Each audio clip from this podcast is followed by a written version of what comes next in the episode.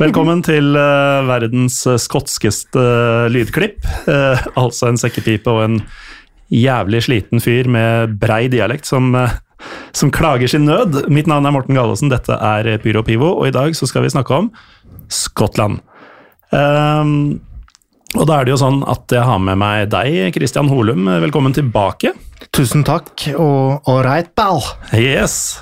Um, når jeg sier velkommen tilbake, så er det kanskje så lenge siden um, at folk ikke husker det. Um, men du har faktisk vært med to ganger. Mm. En gang i Jeg tror det til og med er en av de første 20 episodene av Pyropive. Sånn pluss-minus 20-tallet, i hvert fall. Første sesong. Og da handla det om Skottland. Mm. Og så var du med i julekalenderen 2019, og da handla det om Skottland. Det stemmer. Om Queens Park. Og nå er du her igjen, og det skal handle om Skottland. Ja. Er du en uh, one trick pony, eller har du mer å tilby? Enkelte vil kanskje påstå det, mm. men det er, det er, fryktelig gøy, da. Han er ikke det. Han er ikke det? Nei. Nei uh, Gjest nummer to gir seg til kjenne. Paul Thomas Clay, velkommen tilbake til deg òg. Jo, tusen takk for det. Du er i hvert fall ikke noe one trick pony. Du, eh, du har blitt brukt til ganske mye forskjellig her i podkasten. Ja, og jeg har blant annet brukt eh, min medgjest her som ekspert på tysk fotball i et eh, TV-program. Ja. Så han er definitivt ikke noe one trick pony. Det er derfor jeg måtte bryte inn. Ja. Nei, jeg tenker jo Kristian er en stor gutt som kan svare for seg sjøl, men det, jo, det, var jo et ledende spørsmål i den retninga, da, tross alt. Mm. Um, du kan jo mer enn Skottland, men uh, det, det blir ofte Skottland-styrmann, um, som du liker å kalle deg på Twitter. Um, hvorfor det? Altså, Hva er din link til Skottland? Min link til Skottland er familiær. Uh, en uh, skotsk bestemor og en halvt skotsk bestefar. Mm. Uh, I tillegg så har jeg studert der borte i tett på fire og et halvt år, i Edinburgh. Hatt mine år med sesongkort på Easter Road på Hibernian og Celtic Park med Celtic. Mm. Samtidig? Nei, etter hverandre. Mm. Um, så det er, det er ditt, din skotske link. Ganske sterk, vil jeg si. Clay, du sitter der med rødlig skjegg og heter eh, Clay til etternavn. Ja. Hvor skotsk er du? Det, det, er eh, Jeg fant ut eh, Du må, må, telle litt bakover i slekta, så må man dele på to osv. Så, videre. så jeg fant vel ut at jeg var en åttendel skotsk, kanskje. Sånn rent genetisk. Navnet Clay kommer antageligvis, det, det veit man ikke helt, men antageligvis fra Skottland, det òg fra Glenn Gloy. Altså Gloy ble til Clay på et eller annet tidspunkt. Mm. Så, Glenn Gloy. Mm. Det hørtes skotsk ut. Mm. Mer enn en Clay. Ja. Um, ok, men um, Christian, du, du, har ikke vært her eh, på en stund. Um, du er jo da ganske skotsk og eh, interessert i Skottland, men har jo, som Clay var inne på, flere, flere hester å spille på. Hvem, eh, hvem er du egentlig? Jeg er en ganske sær fotballelsker i Ja, hvis du tar de lagene jeg holder med, så har vi liksom Stabæk er jo ganske sært i, i, Norge. Ja, Det er ikke mange av dere? Nei, det er ikke mange av. Eh, og så har det Det har alltid vært en eh, kjærlighet for, for tysk fotball, som har utviklet seg til VfL Bochum de siste par åra. Mm. Eh, som vel også kan kalles ganske sært. Ja, så. men uh, du blir jo nei, beskyldt, mener jeg, i, uh, i, Norge for å være sånn, det nye hipsterlaget. For det er så mange I hvert fall virker det sånn blant de som snakker uh, tysk fotball på Twitter og sånn, som om det er liksom De fleste holder med dem eller St. Pauli. Sier han som holder med Union Berlin. Ja. Ja, ja. ja, men Det er blitt, blitt mainstream det nå. vet du. Nå har de begynt å få suksess og sånne ting. Må, for å være hipster så må du ha, ha et lag som taper mye, som egentlig ikke er suksessrikt. Som, eh, som, er noe som er liksom, må skrape bøtta litt for å finne fram. Ja, som har enda litt sånn tyngre forhold uh, for suksess enn det Union har. Da. Fordi nå er det der uh, Stasi-greiene og sånn, det er jo lenge siden. Mens uh, i Bochum så er liksom gruvene har blitt nedlagt og uh, ja, ja, eh, gruven har blitt nedlagt, men samtidig, etter å ha vært der et par ganger, så for å trekke en link tilbake igjen til, til Storbritannia, så, så, etter å ha vært i både Bochum og i Coventry mm. Litt sånn den der bomba sønder og sammen-estetikken. Det, det, det er noen linker der. Eh, og så har jo ikke akkurat Bochum eh, gjort Ja, er det sju tap og én uavgjort så langt i år? Så med et eh, potensielt nedrykk, så eh, kanskje litt av eh, genuiniteten, hvis det er et ord, i, deres øyne kommer tilbake. Ja, Nei, Jeg ville ikke vært veldig bekymra for, for at Bochum skal bli en hipsterklubb, men, men du kom litt ut av skapet mm, i fjor, vel, eh, som det. Fordi du ja, Vi er jo i samme og har vært i samme sånn her tysk fotballdiskusjonsgruppe i lang tid. Eh, og jeg ante ikke at du holdt med noe lag der, inntil du plutselig smalt ut som både medlem og etter hvert sesongkortholder. Stemmer. Mm. All in. Ja, når det først kommer. Ja. Men uh, hvor kom det fra? Altså, er det noe som har ligget latent lenge, eller eh, er det Drita Halbsteids indoktrinering som uh, omsider slo det, rot? det har ligget latent lenge. Altså, jeg har eh, med tider og stunder sett på tysk fotball siden midten av 90-tallet. Der hvor det har gått, og alltid sett på de store lagene. Det har jeg. Eh, eh, I tillegg til at eh, det var en veldig tysk keeper i Arsenal et par år. i Jens Lehmann. Mm. Han er tysk, han. Han er tysk, han. Så, så da kom det litt tysk link der, og Mertesacker og litt sånn forskjellig. Så, så Tyskland-greia har alltid vært der, men så kom det til pandemien, og så kjeda jeg meg så jævlig. Eh, og kombiner det med en generell leihet av Premier League og kommers og eh, oljepenger diverse, så fant jeg ut at eh, jeg finner meg et lag i Tyskland. Mm. Kriteriet var ikke Rasenball eller Hoppenheim eller noen av de, Wolfsburg, de der. Kunne ikke være Bayern eller Dortmund. Så til slutt så, så sto vi igjen med, med to stykker. Eh, Den andre får være anonym, men eh, eh, gikk av med seieren. Mm. Og da var Vurderingsgrunnlaget var eh, tradisjon, stadion, eh, øl, eh, kurve Alt det der er jo på plass. Det er jo på plass. Mm. Um, ok, så Clay, vi kjenner deg så godt fra før, vet du. det er derfor Ja. du ikke får den samme introen her. Ja, det skjønner jeg godt. Men Folk er sikkert um, lei av å høre på meg ja. Um, det, er, det er Skottland det skal handle om her. og um, altså Stabæk-supporter, etter hvert uh, Bochum-supporter og tidligere sesongkortholder på de to grønne laga. Uh, det er uh, Holum. Men Clay, du har med deg et eller annet som kanskje er mye skotskere enn uh, alt vi har uh, hørt til nå? Ja, eh, det er eh, noe som selges mer enn Coca-Cola i, i, i Skottland, faktisk. Den mest eh, overlegent mest populære leskedrikken uten alkohol. Mm. Eh, vel, det må jeg nesten si det. Um, Ja, det vil jeg si. Ja. Og, og genial dagen derpå. Ja, Den er faktisk god også, uh, i tillegg til at den eh, gir deg en litt sånn underlig følelse av å være Scott Brown. Uh, sånn full av E-stoffer og masse sukker. uh, Men det er rett og slett en brus? Ja, det er en brus, og den heter Iron Brew. Og, og ryktene skal tilsi at den er brewed on garders.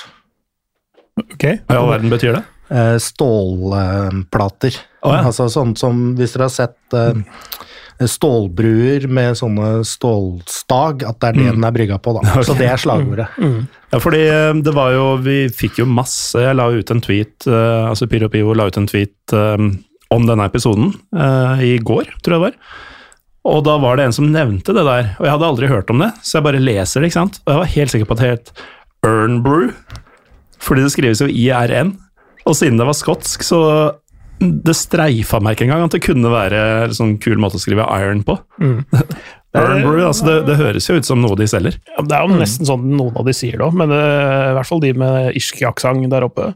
Uh, men det er altså jernbrygg, Mm, så det er derfor, uh, derfor det kommer av disse stålbjelkene, eller jernbjelkene. Og, og, men, mens, bare for å avslutte Ironbrew, den har kanskje en av de mest legendariske julereklamene.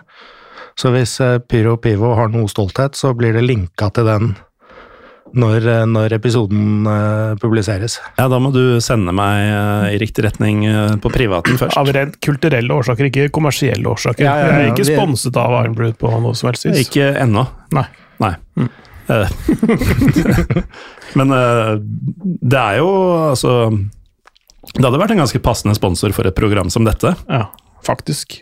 Det hadde det. Populær skotsk leskedrikk, liksom. Ja, ja, ja. Helt meningsløst å reklamere for her.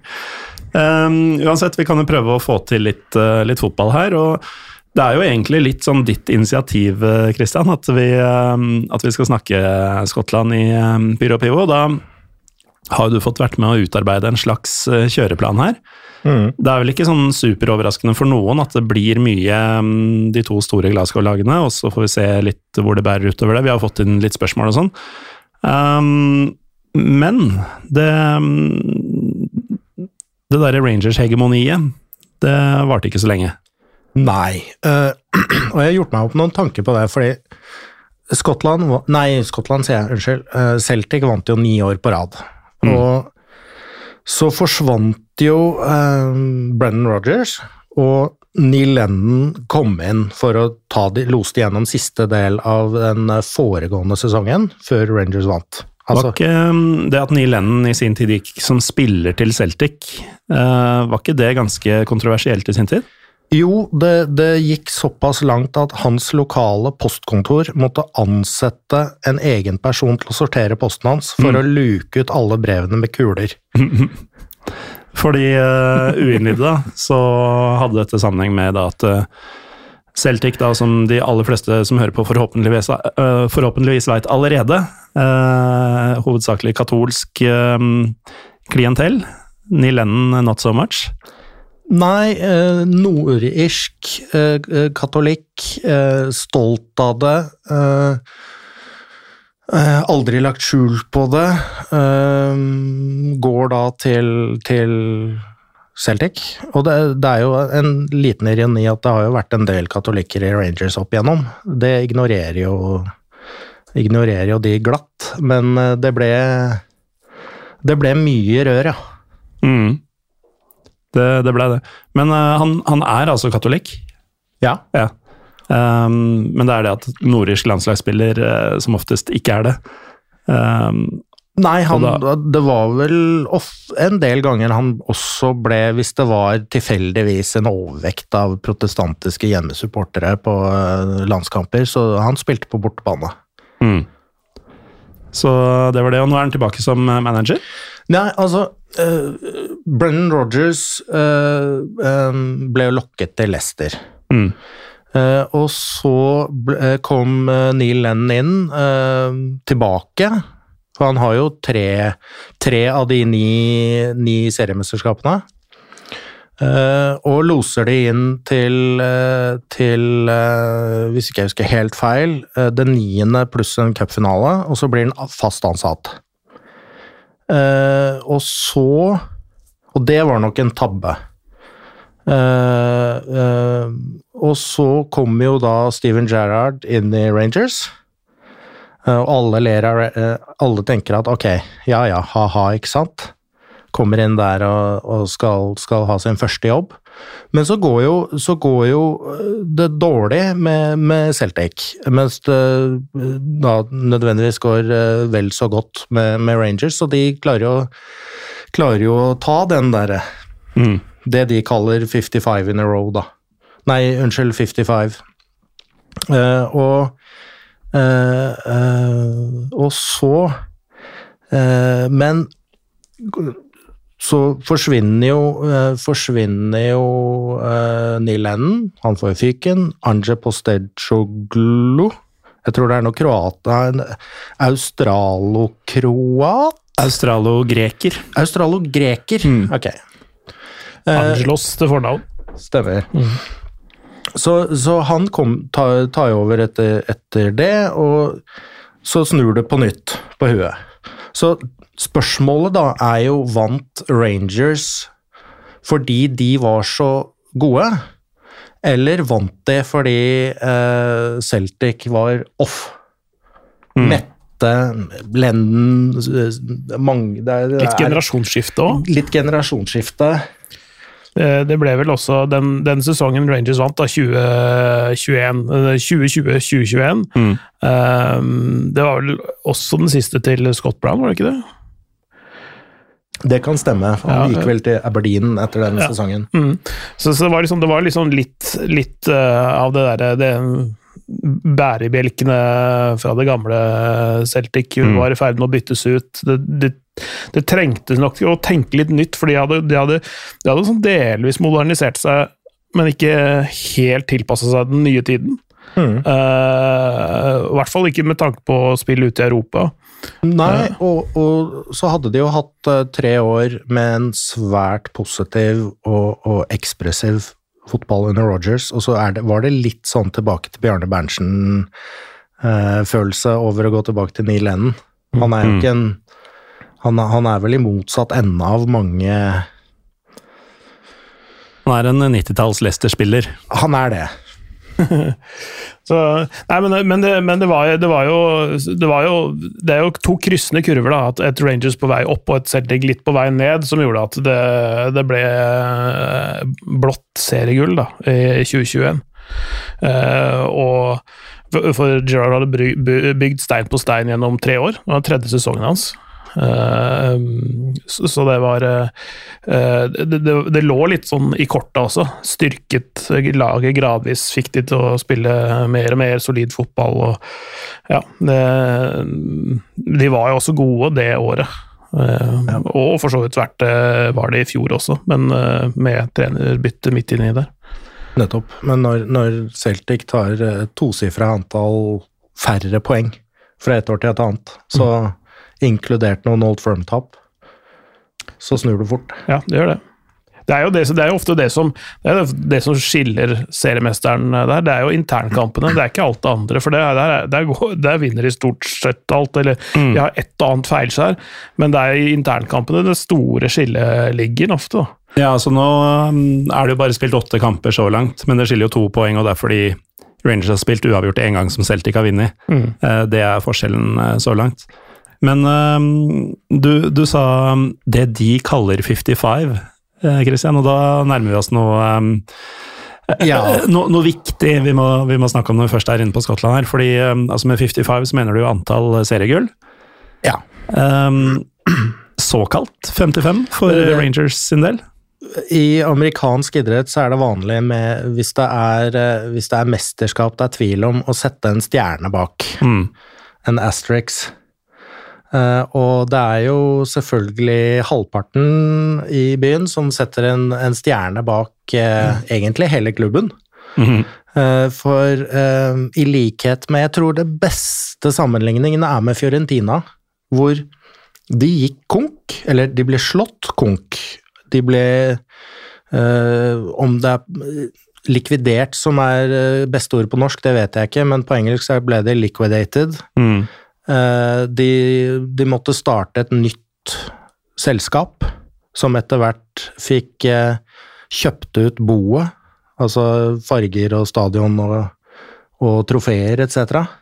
Så det er veldig mange som, som, argumenterer for at det teknisk sett ikke er samme klubb. Mm.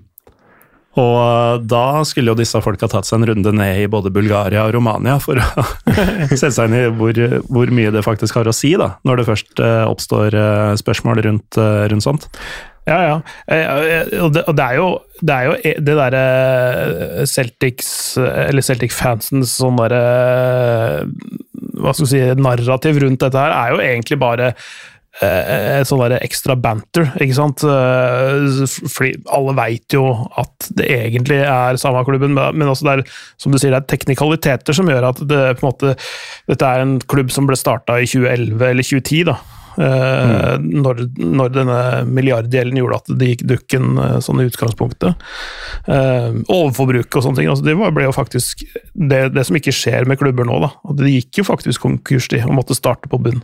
Ja, og, og, det som ikke egentlig snakkes nok om, er at det var jo en del av en del norske spillere, i hvert fall to, eh, som nøt ganske godt av det, av det økonomiske misligholdet med doble kontrakter og eh, en pensjonskonto de fikk utbetalt fra i tillegg til den vanlige lønna, som egentlig ikke er lov. Eh, Eh, som gjorde at de, do, de da skyldte masse penger i arbeidsgiveravgift og ubetalte skatter og var det 45 pund til et uh, partyselskap som uh, hadde fiksa noen ballonger til dem. Altså Det var ned på det nivået. Så 45 pund, som i 500 Ja, kroner? Et, et, var et enkeltmannsforetak som drev med ansiktsmaling.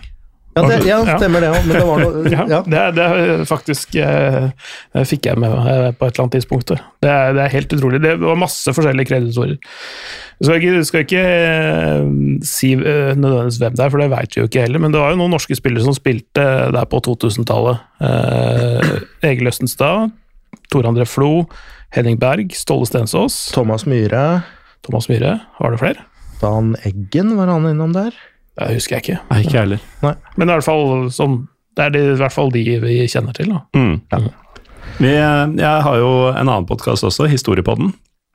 Eh, og der snakka vi eh, i en episode som ikke har kommet ut ennå, tenker jeg, nei, tenker meg om, men eh, det er eh, noe som eh, nazistene hadde under krigen, som heter Konto 5, eller Konto Funf. eh, som høres veldig likt ut som det her, at det er sånn systematisk måte å betale utenom eh, vanlig lønn. Eh, Det var rett og slett sånn systematisk korrupsjonsfond som nazistene hadde for å eh, sørge for at offiserer og sånn var på deres side. Som aldri dukka opp i papirer og greier, men som da var betydelige inntekter som dukka opp på siden av, av den egentlige inntekta du hadde. Ja, for det, det de gjorde, var at hvis du var god nok til, i deres øyne, å rettferdiggjøre det, da, så du fikk en offisiell kontrakt Mm. hvor du hadde Ja, si du hadde 5000 pund i uka, da. Uh, og så signerte du på den, og så ble den sendt inn til Fotballforbundet og registrert. Og så hadde de en kontrakt nummer to, som ikke ble tatt ut av safen, hvor du, hvor du da fikk kanskje nye 5000 pund fra et, et, et pensjonsfond de hadde opprettet, som du da fikk eh, utbetalt mens du fortsatt var der, du var ikke, mens du fortsatt var i arbeidsfør alder, etc., etc., etc. Mm. Sånn at du hadde Ja. Mon tro om det der, eh, den eh, lille triksingen med offisielle regnskap og eh, la oss si litt sånn skjult kreativ bokføring faktisk eh, eksisterer en dag i dag, og det gjør det jo delvis. Man var jo litt innom det i Panama Papers, blant annet. Mm.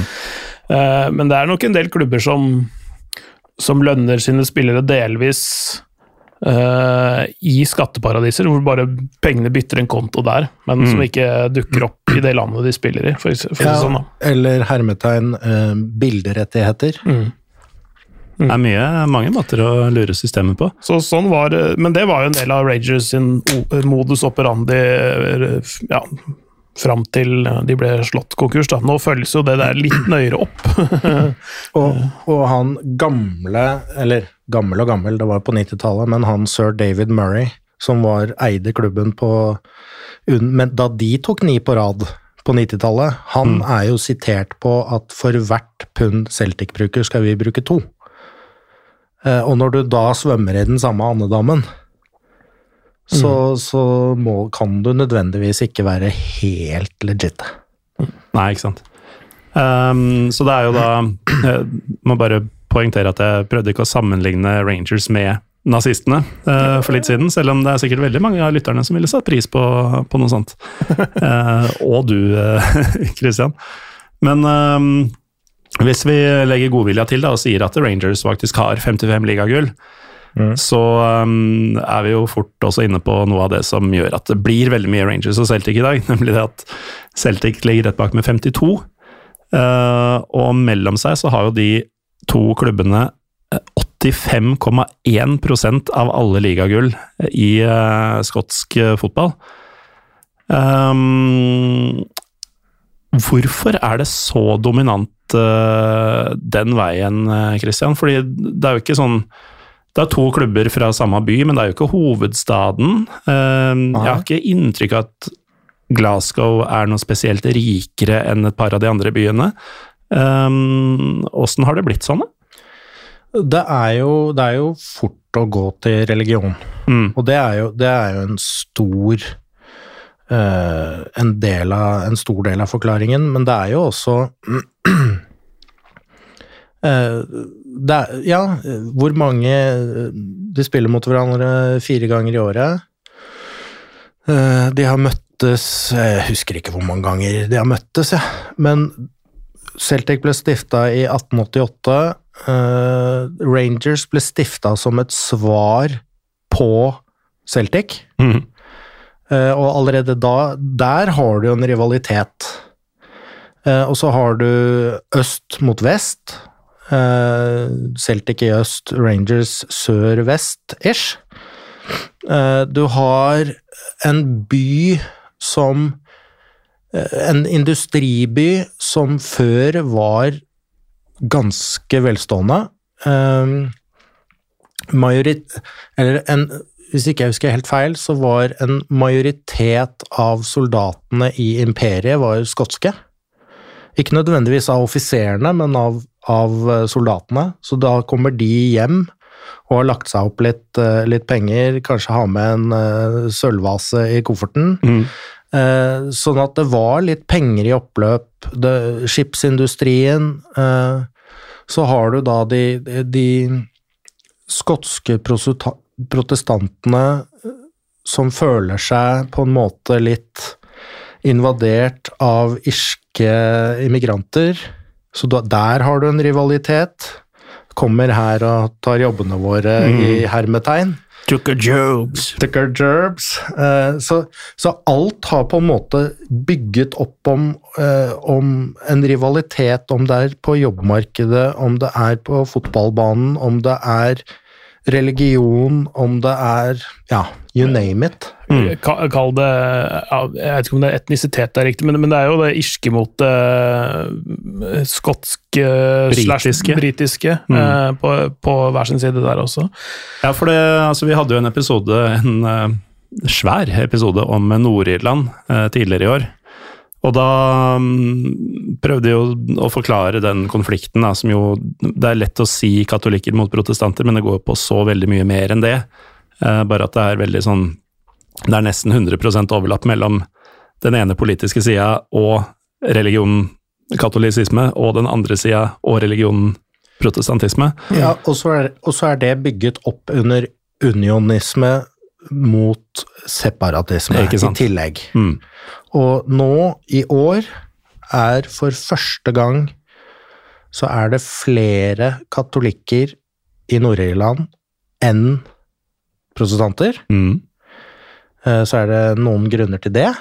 Eh, Men, eh, men Så det blir jo spennende å se hvordan det viser seg både på tribunen og ved valg videre.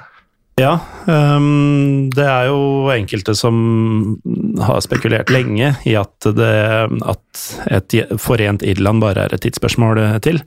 Men noe som også blir lurt på, da, når vi først er inne på det, det er jo øhm, eh, Som alltid i en fotballpodkast, så kommer det noen politiske spørsmål fra lytterne. og det, nå finner jeg ikke den sånn umiddelbart, men det er noen som eh, har lurt på eh, når, eh, ikke om, eh, Skottland eh, skal løsrive seg fra, fra Storbritannia. Om det blir en eh, skexit.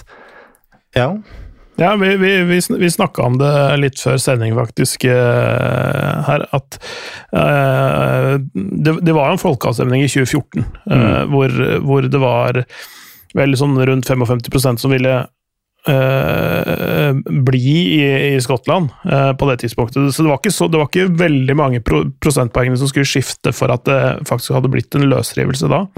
Men hadde det da blitt en løsrivelse? Altså, Ville det skjedd selv om de hadde fått overtatt? Ja, Det er et annet spørsmål, da, men, men det, på et eller annet vis ville de nok fått eh, i større grad selvstyre.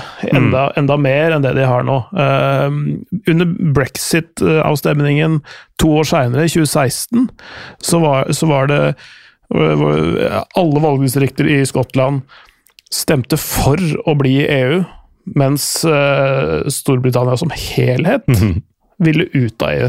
Så det, de har, med, de, med de lange linjene politisk eh, sett, så er Skottland på helt, en helt annen kurs enn resten. Da. og, Mm. og Skottland har jo historisk sett med Bonnie Prince Charlie, hvor de fikk veldig mye assistanse av Frankrike, har jo også vært veldig Eller prøvd og hatt gode eh, kontinentale forbindelser. Mm. Um, André Wautier var forresten lytteren som um, som lurte på dette her. Altså det er Et annet problem med for eksempel å løsrive seg, det har, noe med olje- og gassinntektene fra Nordsjøen og noen atomubåtbaser, bl.a., blant annet, som, som tilhører hele, hele eh, sammenslutningen, hvis du kan kalle det det. Ja. Eh, og det er ikke bare bare å, å, å kvitte seg med det eller beholde det hvis du skal splitte opp England og, og, og Skottland, eller Storbritannia og Skottland. Nei, og en tanke jeg har tenkt eh, en del i det siste, er hva skjer nå etter dronningens død? For hun har alltid stått veldig sterkt i Skottland. Hun har vært mye i Skottland. Hun har egentlig gjennom sine 70 år vært Bortsett fra Buckingham Palace, så har hun vært tre-fire måneder av året i Skottland Døde i Skottland. døde i Skottland. Uh, Skottland samlet seg rundt henne nå i forbindelse med begravelsen etc.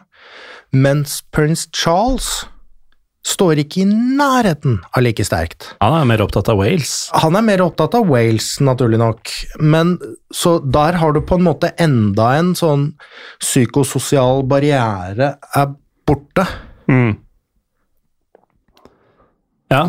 Ehm, og så er det jo det, dette med de ressursene du nevner, Clay. Uh, alle som har kjent en vestlending, har jo på et eller annet tidspunkt på fest hørt den derre Uh, ja, Nå skal ikke jeg prøve meg på vestlandsk, men uh, er- vi, vi står for så mye verdiskapning og sånn, og så sendes det bare til Oslo, og det delegeres derfra, liksom. Um, og det må jo virke Altså, i Norge så er det jo relativt jevnt fordelt likevel, men for skottene bare det med olja, eksempel, å få så lite tilbake. For det er ikke, det er ikke skyhøy levestandard eh, nord for Newcastle eh, kontra de sydligere strøkene av, eh, av de britiske øyer, eh, Holum. Nei, det, er, det vil jeg absolutt ikke si. Eh, og eh, det er jo områder i Glasgow, millionbyen Glasgow, hvor typ alkoholismen ligger på sånn 30 Mm. Arbeidsledigheten er vel rundt, rett rundt der også. Forventet levealder eh, rundt 60 år for en, en del, eh, i en del områder, for, for menn f.eks. Når vi snakka om eh, overlappende greier tidligere, det er ikke u... eh, altså, det er ikke sjelden at den, de samme 30 er eh, både arbeidsledige og alkoholiserte. Mm. Da er det det Ja, det Venn-diagrammet der er ganske point. ja. Ja, det, det, du er inne på det, du nevnte millionby, og du, du, du nevnte også hvorfor denne byen med disse to store fotballagene så dominerende. Det er den klart største byen i Skottland. Eh, det er den fjerde største byen i hele Storbritannia. Um, og på den det, er jo eh, den første byen hvor liksom industrialiseringen tok fart i sin tid for uh, 200-300 år siden nå, pga. elven og, og sånne ting. Senere med skipsbygging. Men etter andre verdenskrig så gikk jo skipsbyggingen sånn gradvis og ganske bratt nedover. eh, og ble etter hvert veldig, veldig mye eh, eller høy arbeidsledighet der. Eh, og da, det, da samler man seg om fotballagene, og det har man gjort hele veien, men da blir det enda viktigere og enda sterkere Mm. eh, en, en forsterkning av alle disse andre følelsene og elementene som vi har snakka om. Da. Det blir identitetsmarkøren, og det blir lyspunktet, eventuelt det mørke punktet, avhengig av hvordan det går hver uke. Det er det de bruker penga sine på. Det er drakter til seg og, og, og barna, og det er sesongkort hvis de har råd akkurat den måneden det, de legges ut for salg. Mm. Så det, um, det at fotballen står sterkt i Skottland er jo én ting, men at den står spesielt sterkt i Glasgow er det ingen tvil om. og da kan vi jo kjapt bare um, skli tilbake til det sportslige i, um, i nettopp den byen. da. Altså, um, Rangers fikk det ene ligagullet sitt før Celtic kom tilbake på toppen. Eh, Celtic leder nå igjen. Begge er i Europa, og begge begynner å bli vant til at begge to er i Europa. Um, Åssen ligger den skotske fotballen an altså, ved de to, da, eh, representert eh, i europeisk målestokk nå? Det er jo spennende, fordi de har jo klart å toppe Begge to toppe samtidig, og de Hvis du sammenligner med Norge, med den uh, praten om at koeffisient er viktig, Mm. uh, I Skottland har det jo historisk sett vært at uh, Rangers har kommet seg til et gru gruppespill, men Celtic har snubla mot Hapoel Bersheva eller noe sånt. Eller motsatt. Ja. Men nå de siste par årene så har de vært begge to vært gode samtidig. De har klart å komme seg til gruppespill i, i Europaligaen, Conference League, og nå Så nå er jo Celtic der at de har automatiske um, Hvis ikke jeg husker helt feil, Celtic kvala automatisk til gruppespillet i Champions League. Hmm. Mulig de måtte inn i siste kvalik, men de har aldri vært, hatt så få hindre for å komme inn. Nei. Uh, Og dette er et lag som har vant eh, for et par år tilbake, som røyk mot Rosenborg hvert år. for Så eksempel. det er, de har kommet et stykke. Ryke mot Malmö, ryke mot Molde, vel? Mm. Ja. Så, så De, og, gikk- de kom rett inn i gruppespillet i år. Ja, ikke sant? Mm. Og den uh, All tides float, uh, eller The tide floats all boats. Nå er jo plutselig I morgen skal jo Hearts spille hjemmekamp mot Fiorentina i konferanseligaen. Eh, jævlig kult, by the way, men ligaen som helhet vil jo da få et mye sterkere navn og, og, og um, optikk ute, mer penger inn. Kanskje flere kan kjøre en liten satsing uten shady lit, litt litauiske eiere, Vladimir Romanov. Eh, eh, det er en helt annen historie, men, men det, ser, det ser lysere enn på lenge, altså.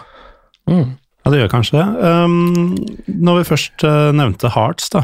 Um, der er det jo uh, Altså, dette er jo din by, uh, Edinburgh. Um, de er nå i gruppespillet i um, Er det Conference? Ja.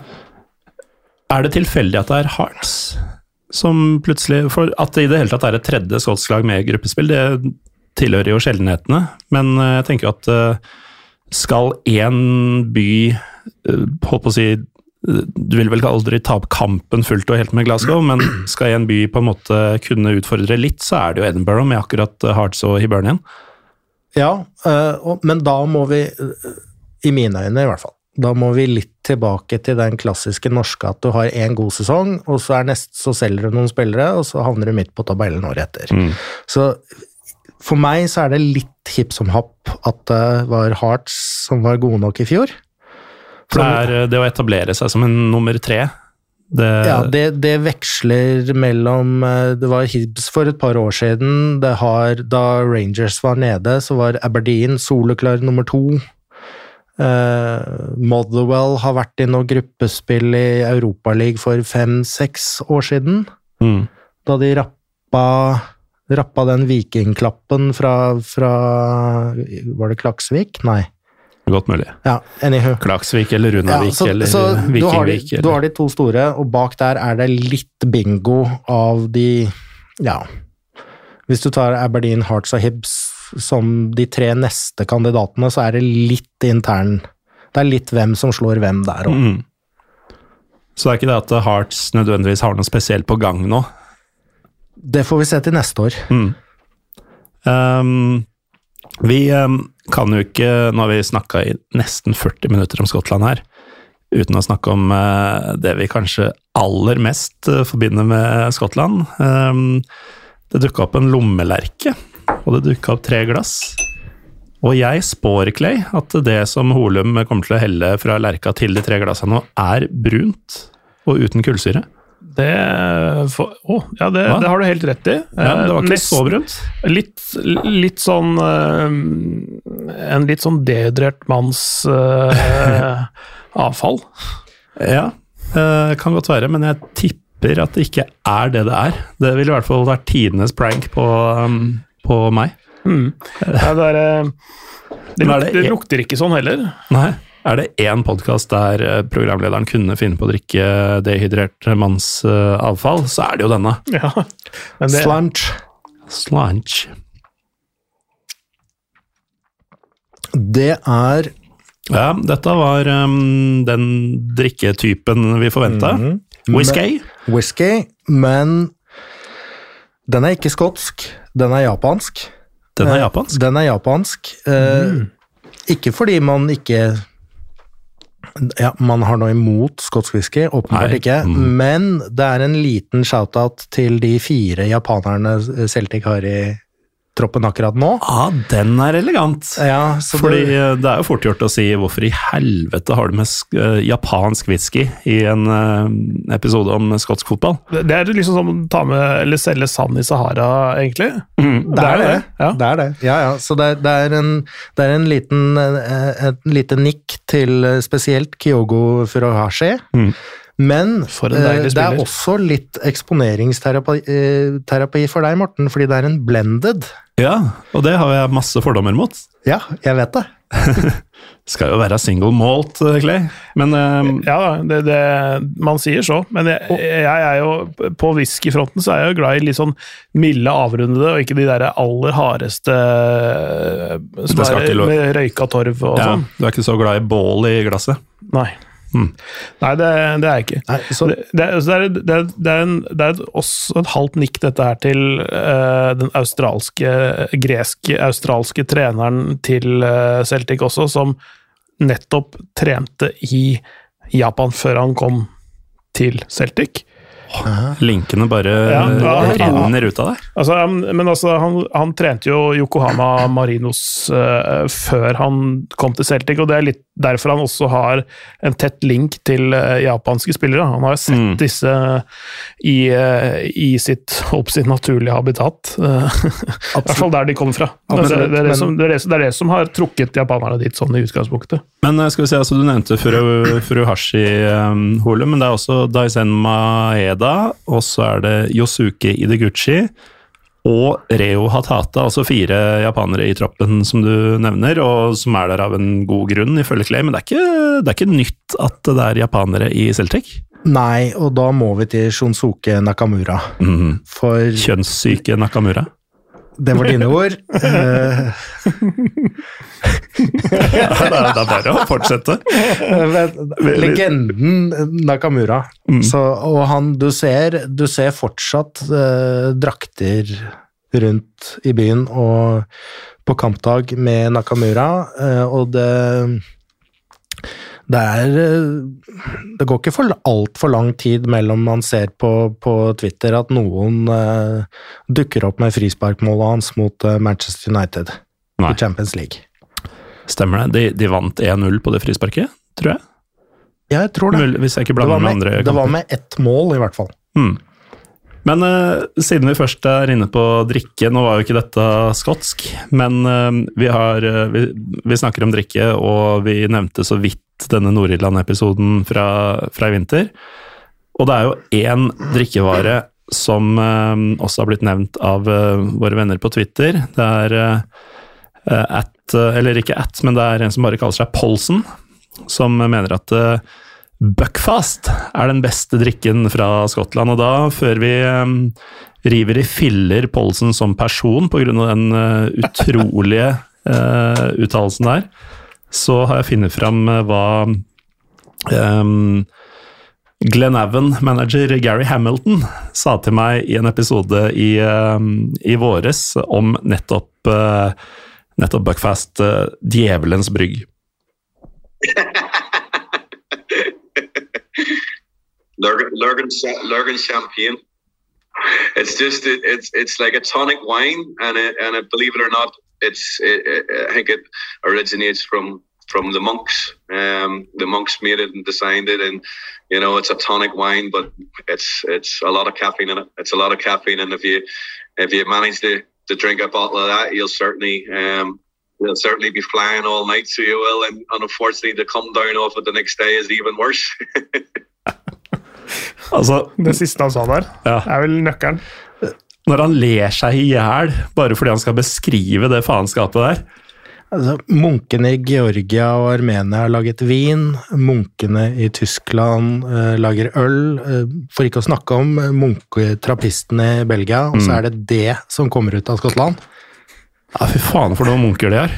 Det, Det, er- det er uh... altså, jeg har aldri helt skjønt hva han sier 'it's a tonic wine', og det, det er jo det det Hvis du googler Buckfast også, 'it's Satanic wine', jeg veit ikke helt hva det betyr, men det høres jo helt jævlig ut, og det er jo da eh, ikke så høyt i eh, alkohol.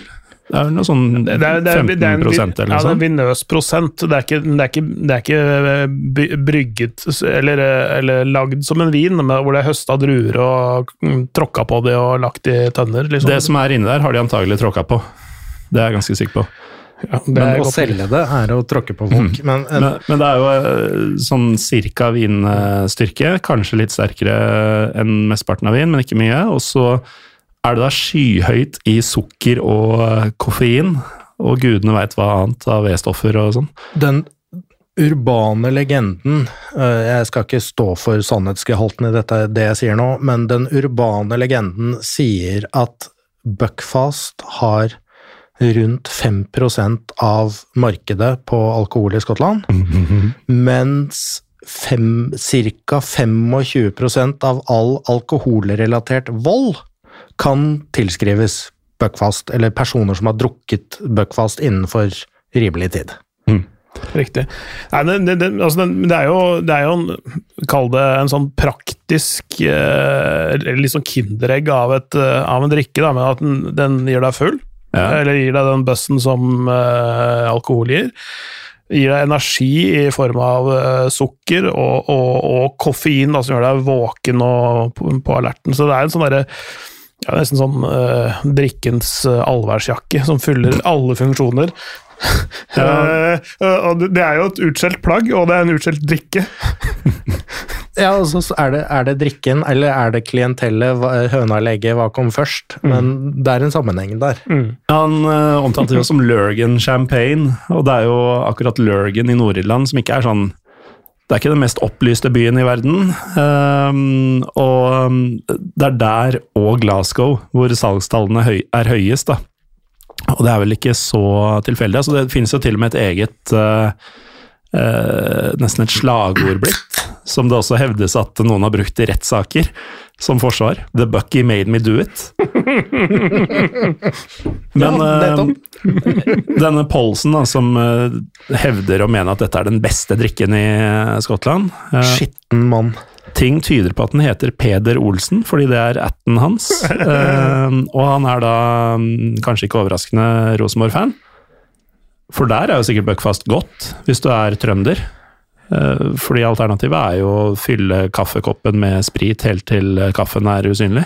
Men har vi nå, uten å tenke på det, avslørt eh, For på alle de som har hatt rettslære noen gang Alle eksamener, da var navnene brukt, var Peder Olsen eller Ida Olsen Peder eller Aas. Peder Aas, men jeg har også sett noen Olsener. Er det da Er Peder som liker Buckfast opphavet til Det kan godt være.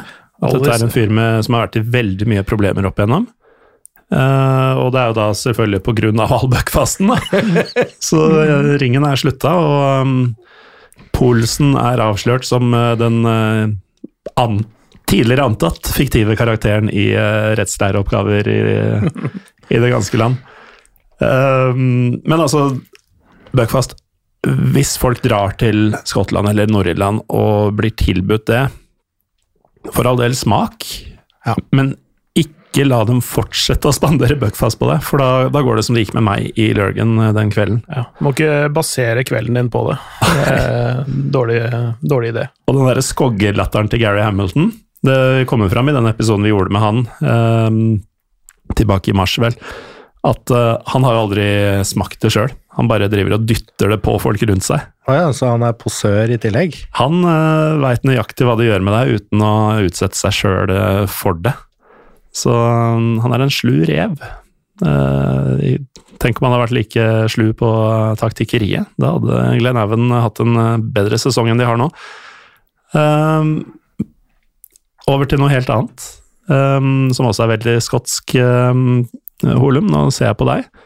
Fordi um, stikkordet kilt lyser uh, mot meg. Um, det er kommet inn et spørsmål her, nemlig.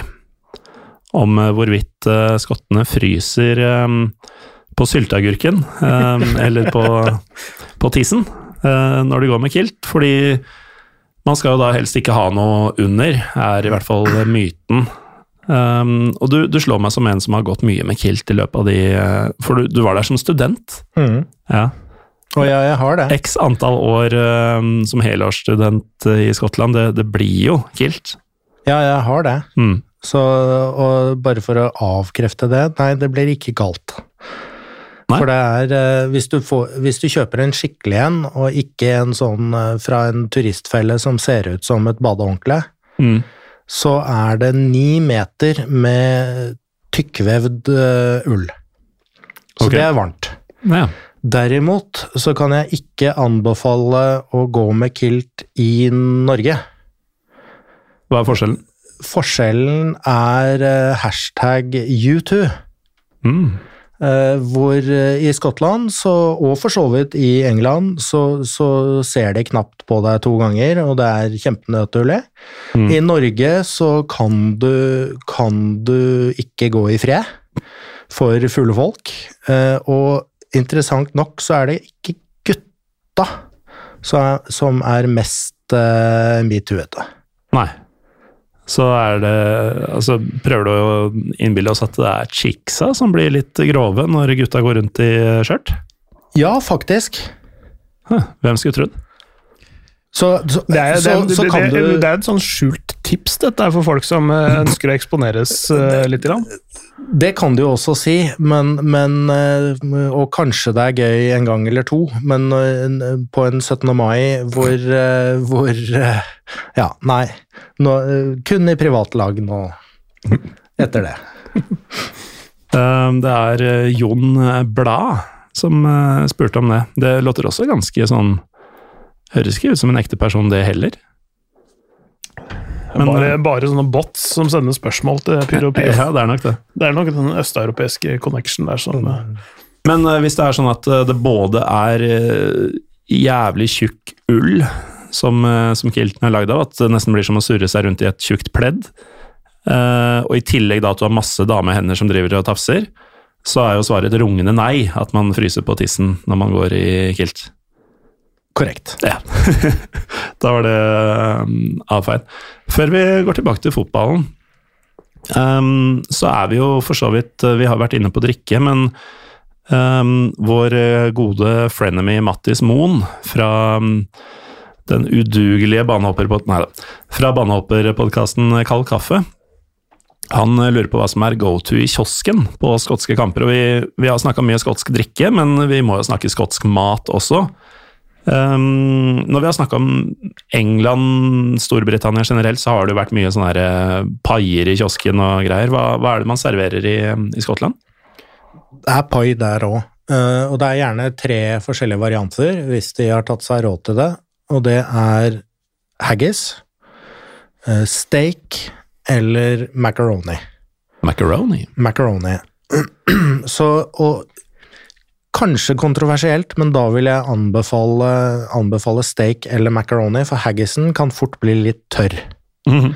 Så haggis, haggis spiser du på restaurant, ikke på fotballbaner, mens de to andre kan du, jo, du kan jo selvfølgelig se an hvor ferske de ser ut, men uh, du kan sjelden ta feil der. Er det steak en kidney pie, eller er det bare steak? Bare steak ja. i, i, brun saus. Mm. Uh, en annen variant de er glad i, er chips and sauce, mm.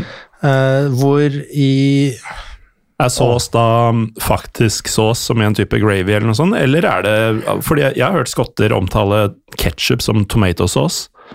Det stemmer. Eh, alt der egentlig går under samlebetegnelsen sauce, men det kommer litt an på hvor du er, om det er type A1-sauce. Eh, den, den, heter vel HP, står det vel ja. på etiketten. Du får den her. Mm. Eh, du har, du har eddik, altså hvitvinseddik eller noe sånt noe, eller du har gravy. Mm. Men det, det, er litt ikke regionalt, men det kommer litt an på hvor du, hvor du skal hen. Så Edinburgh er det vel, hvis ikke jeg husker helt feil, så er det først og fremst mer sånn eh, eddikbasert Du får alt hvis du spør, det er mm. ikke det, men ja. Men jeg, eh, apropos steak and kidney pie, eh, Clay. Mm. Eh, jeg husker jeg ble så skuffa en gang jeg fant ut at det veldig sjelden er faktisk nyre i en steak and kidney pie. Mm.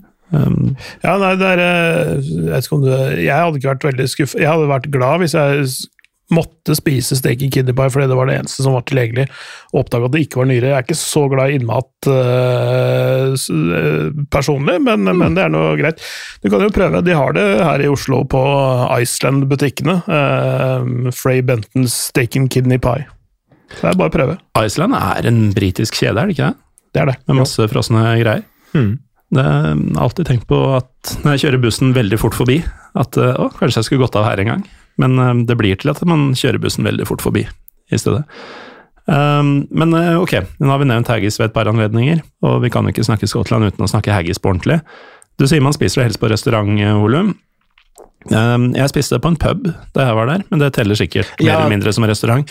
Ja. Uh, men jeg ble skuffa fordi det var, det var så fint dandert, og det var liksom det, det så så spiselig ut, og det var så greit.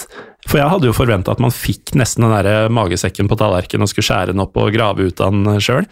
Men dette var sånn lag på lag-greie med potetmos og noe eh, Du skjønner hva jeg snakker om, ikke sant? Den skjønner hva- Jeg skjønner hva du snakker om, og, og det, er jo, altså det er jo masse innmat i, i sauemage som har stått over natta i saltlake og ja, div. Men eh, Ja Det å få det servert ut av selve sekken, det er mer sånn eh, Burns Night, hvor den blir båret ut, eh, og Ode to the Haggis blir, blir eh, proklamert, og det er kjempeseriøst. Men eh, det, det er mange, og ja, pub går definitivt under det utvidede restaurantbegrepet, så, så er det mye god haggis rundt omkring. Altså. Mm. Men det, det er den vanligste måten å få det servert på, er den jeg snakker om, eller? Ja, Ja. absolutt. Så hvis man er eh, livredd for haggis, sånn som Clay tydeligvis er, da, som, eh, som ikke liker innmat, eh, og heller foretrekker eh, brødskive, kanskje, og da ikke med leverpostei, Nei.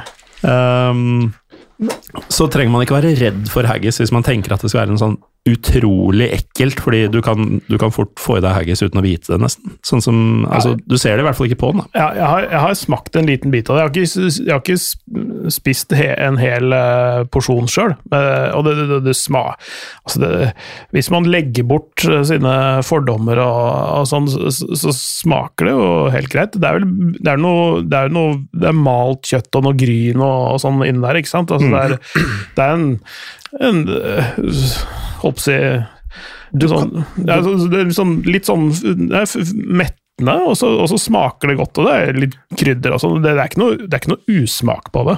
Det, det, smaker, smaker ikke det som er i enden av magesekken, og det som fortsetter ut i Nei, nei. fordøyelsessystemet. Eh, Og du kan, for å teste, så kan du hjemmesnekre en hag-ish, Uh, pun intended, uh, ved å, her i Norge, ved, ved å bruke lungemos. Mm. Så lungemos som du, som du steker i pannen, lager en rotmos og en brun-ish whiskysaus, så er du ganske nær Du er tre fjerdedel nedi gata, altså. Ja, det, det er jeg enig i når du nevner det. Eh, Lungemos og haggis er ikke veldig fjernt eh, fra hverandre i verken smak eller konsistens. Med mindre du har budsjettet til Strøm-Larsen, eksempel. Ja. Og dette er heller ikke spons, altså, men uh, ja. Ja, Mener du at du kan få ordentlig haggis gjennom dem? For da Det er lov å spørre, da. Ja, det De har jo alle de individuelle, de har jo alle de individuelle ingrediensene, så hvorfor ikke kombinere det? Sant. Godt poeng. Eh, tilbake til fotball, eller? Ja, Ja. Um, fra vi- en ball til en annen, si. Haggis er jo en liten kule. Ja, det er sant. Um, vi kan snakke litt landslaget. For uh, nå, jo, altså, nå har de jo ikke to, men tre lag i gruppespill i Europa. Og å, det er til og med framgang på, for Tartan Army og gutta. Mm. Steve Clark har eh, med litt kontinuitet eh, fått skikk på ganske mye. De var vel i, var de i playoff til det VM som ikke ikke skjer i år, men i, i, om et par år. Eh, det, det, det som VMs det, det, VM Who Shall Not Be Named. Mm. Uh, og så nå har de jo vunnet uh, Conference Nations League-gruppa si og rykker opp til nivå A. Uh, ved å slå Ukraina i, i, forrige og hittil siste landskamp. Det er jo drømmen til Norge, det. Å komme opp på um, nivå A i mm. Nations League. Men uh, Skottland er altså vesentlig bedre. De spilte vel, eh, de spilte vel uavgjort mot uh, nettopp Ukraina, men, men, de slo Irland og Ja, og så slo de Ukraina før det igjen, ja. Mens den siste kampen var uh, uavgjort, men de, men de, slo de Og så vant de 4-1 borte mot Armenia. Jeg skylder på pivoen. Ja. Ikke nei, på men, den japanske whiskyen. Nei, nei, nei. Men de kom, de kommer jo tett på hverandre, da. Uh, 21., 24. og 27. september spilte de de kampene, så det er jo det er lett å gå litt i ball. For det er mye fotball, og det er mye fotball i disse landslagspausene. Uh, de fleste spilte to kamper, Skottland spilte tre. Mm. Uh, litt på grunn av at uh, den ene motstanderen i to av kampene har litt utfordringer med, med å mønstre lag og hjemmebane og sånn. Mm. Og det, det, som er litt gøy, da, eh, fotball adjacent med de kampene mot Ukraina, er at en av lederne i Tartan Army Altså supporterklubben til det skotske landslaget? Korrekt. Eh, han er gift med en ukrainsk dame. Dette blir jævlig smalt, altså. Mm -hmm. Men det betyr jo at eh, bromansen mellom Tartan Army og den ukrainske skaren har vært veldig sterk i det siste, blant annet med at Tartan Army har samla inn masse penger, leker, eh, klær etc. og sendt konteinere ned til eh, Ukraina. Så, så, det var svært god stemning på Hampton nå siste gang de møttes. Romansen har latt seg inspirere av romansen mellom eh, han og kona? og så er det, det, det er jo hvis man strekker den litt langt også, så har det litt med å være under den uh, klamme hånden til en uh, undertrykker uh, mm. som ligger bak der. Da. Så det er, det, det er, noen andre sånne fasetter ved det der som gjør at de finner hverandre, de, de to. Og det ble jo også visualisert i Glasgow, for på George Square så har du en rytterstatue av The Duke of Wellington Eh, samme som vel vant slaget ved Waterloo. Eh, vel, de siste jeg husker ikke hvor mange åra, så har han hatt en trafikkone på huet. Og etter 24. februar Altså trafikkjegle? Trafikkjegle, ja. Kone, ja. sånn Cone. cone. Traffic cone. Unnskyld. Uh, han har alltid hatt den på huet, og så, det, så, er den der i tre uker. og Så går uh, Council og tar den ned, og så to dager etterpå den, så er den tilbake. Mm. Men nå etter 24. februar i år så ble den plutselig bytta ut med en blå-gul en. Mm. Så solidaritet mellom Og så har den blitt stående nå, ikke sant? Det har vært litt fram og tilbake det nå, men mm. uh, om den er der nå, det er jeg ikke sikker på. Nei. Men apropos um, litt sånn uh, ta tak litt her og der nå, men uh, det har vært nevnt undertrykkelse, det har vært nevnt solidaritet. Og da kom jeg på at um, vi var innom dronning Elisabeth tidligere, og at hun sto sterkt i Skottland. Men det er jo enkelte i Skottland, gjerne kledd i grønt, som, som hadde noe å si Eh, rundt denne bortgangen, eh, Holum? Ja, eh, det var i den første serierunden etter dødsfallet, så skulle det jo markeres med ikke ett minutts stillhet, da, for det innså de at det gikk ikke. Spesielt i den kampen Celtic spilte, så det skulle være ett minutt applaus. Mm. Og da stilte Green Brigade, som er ultras og kurven til, til Celtic, med et svært banner som sa var det 'Clap your hands if you hate the queen'? Altså, det, det er stygt å le, men det er jo det er litt sånn som um, Legia Warszawa ja, mot uh, Leicester i, mm. i, uh, i Europaligaen, nei, Conference League i våres. Ja, ja, eller det var kanskje til og med i fjor høst. Fjor høst. Ja, fjor høst var det. Jeg, jeg kommenterte kampen. Ja. Men da var det jo sånn at Legia-supporterne visste at Leicester-spillerne kom til å knele før avspark. På grunn av ja, rasisme, mm. takene nye-greiene. Og da var det 'Kneel before the king'. Uh, mm. ja. Ja, kjempestort banner av en uh, antagelig Kom vel aldri helt til bunns i hvem det var Vi- bilde av. Vi, vi snakka om det, tror jeg, i en eller annen episode. At jeg fant ut at det var en, sånn, en litt sånn rar karakter av en sånn kroppsbygger eller strongman eh, som hadde litt sånn spesielle synspunkter på ting. Ja. Ja. Ja, jeg- noe sånt. Ja. Men, men i hvert fall eh, det det så ut som, da, var jo at hele Leicester på kommando fra Legia-supporterne kneler for dem, eller denne personen som da representerer dem. Og her har jo Celtic fått til noe av det samme med hele stadion. Jeg må, jeg må moderere eller uh, omskrive meg selv. If you hate the royal family, clap your hands. Sånn. var det som sto på banen. Men intensjonen bak og, og budskapet er jo det samme. Det, det, er, eh, det er tydelig. Eh, og det, det har jo vært andre videoer fra andre fangrupperinger som mener det samme. eh, hvor det har vært rett og slett jubel også, jubelscener på tribunen. Eh, Jeg har sett klipp av det, i hvert fall. eh, hvor det markeres Hvor dronningens død skulle markeres, da. Feirer døden. Ja, på, på en måte. Litt samme som eh, Maggie Thatcher. Bare at hun, hun var vel kanskje enda mer hata, eller? Ja, Ganske mye mer, vil jeg tro. Ja, eh, og hun har hata mange engelskmenn òg, og og også rojalister. Eh, Altså det, Mm. det, var, det var jo snakk om eh, hennes rasering av velferdsstaten, eh, i, um, og som sendte veldig mange, spesielt tydelige gruvearbeidere på 80-tallet, ut, ut i eh, det store intet, egentlig, uten noe sikkerhetsnett. som de hadde, Mange som hadde jobba mange tiår i gruvene, som plutselig ikke hadde noe sikkerhetsnett, og gruvene forsvant. og ja, det, det var en helt annen ballpark, men, men det er, altså, dronningen er et symbol på noe da, som, som uh, en del uh, separatister da, spesielt da, ikke setter sånn veldig pris på. Mm. Så kan man jo diskutere hvor, hvor uh, ja, hvor classy det er å gjøre det på den måten, men Men, men, men, eh, Men dette er Skottland. Eh, det- Dette er Skottland. Altså, man, jeg, jeg skjønner jo absolutt hvor det eh, hvor, altså det er en, en, en, Dette er en av disse situasjonene hvor du, er, du skjønner hvor det kommer fra. Du skjønner at de egentlig kan ha gode grunner, men det er litt måten det gjøres på som kanskje er litt sånn Som man kan være litt uenig med, da. Mm. Ja, det, det må nesten være lov.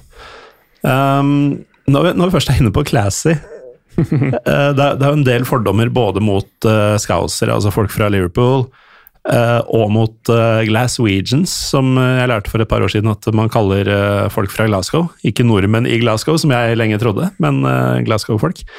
Um, Steven Gerrard han er jo en scouser som nå er um, eh, holder til i, um, i eh, Glasgow.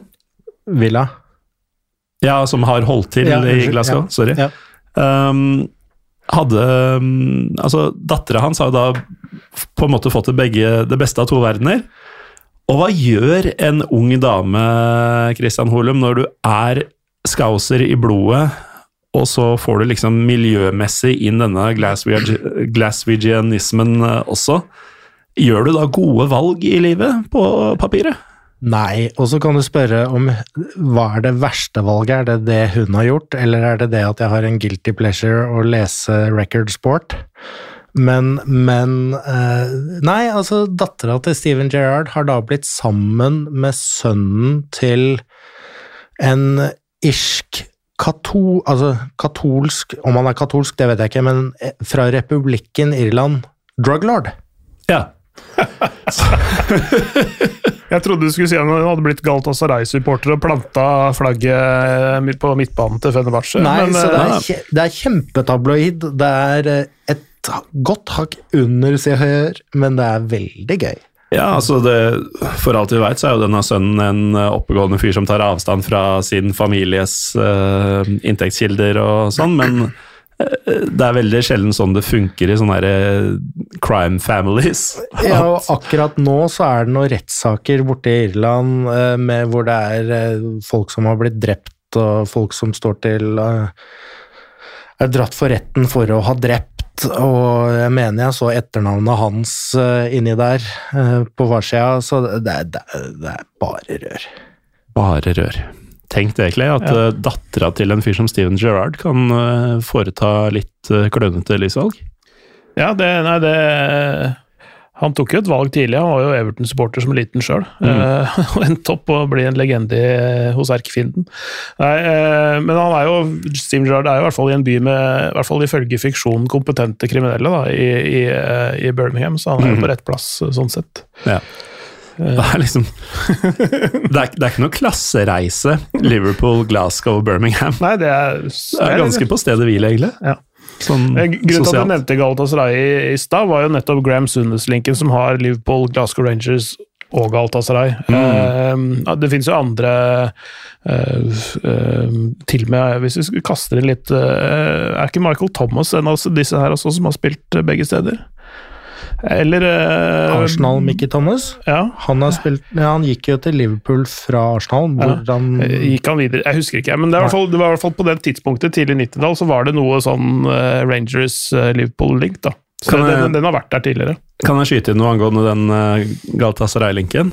Fordi uh, Sunes han ble jo berykta i eh, Tyrkia for å plante eh, dette Galatasaray-flagget i midtsirkelen. På Fenerbahçes stadion. Ja. Mm. Um, og det ble jo en hevnaksjon av dette her. Uh, og den har sikkert mange hørt om, en um, Fenerbahçe-supporter litt sånn uh, halvrabiat er, uh, er å underdrive. Antagelig en sånn sak for psykiat psykiatrien, dette her, men en fyr som rett og slett bare blir kalt Rambo. Han, eh, da de skulle møtes igjen, så tok han seg inn i stadionet til Galatasaray Um, dagen før kamp eller noe sånt. Eh, tilbrakte natta der, og på kampdagen så hadde han da planta et Fenerbahçe-flagg i midtsirkelen der og sto der med en kjempekniv. eh, omtalt som en kebab-knife, men det kan være bare fordomsfullt oversatt. eh, men i hvert fall, han var godt bevæpna. Ingen skulle komme i nærheten av dette flagget. Eh, han har da selvfølgelig blitt sånn kjempelegende, eh, både selvfølgelig blant tyrkere, men også uh, tribuneinteresserte fra rundt om i verden som er på besøk der. da, Hvis de ser han, så vil de gjerne ta et bilde. Og nå er eh, økonomien eh, i Tyrkia såpass kakkjørt at Rambo gikk ut, og han har jo ikke egne sosiale medier, han er, kan jo ikke operere en telefon sikkert. Eh, Men han fikk i hvert fall ordet ut da, om at fra nå av så skal han begynne å ta betalt per selfie, som han eh, stiller opp på.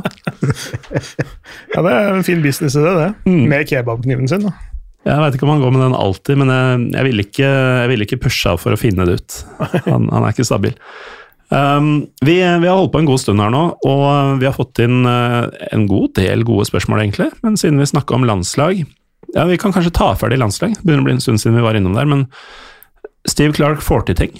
Er det um, ja, Dette er jo den gamle 90-talls Chelsea-bekken Steve Clark, for øvrig.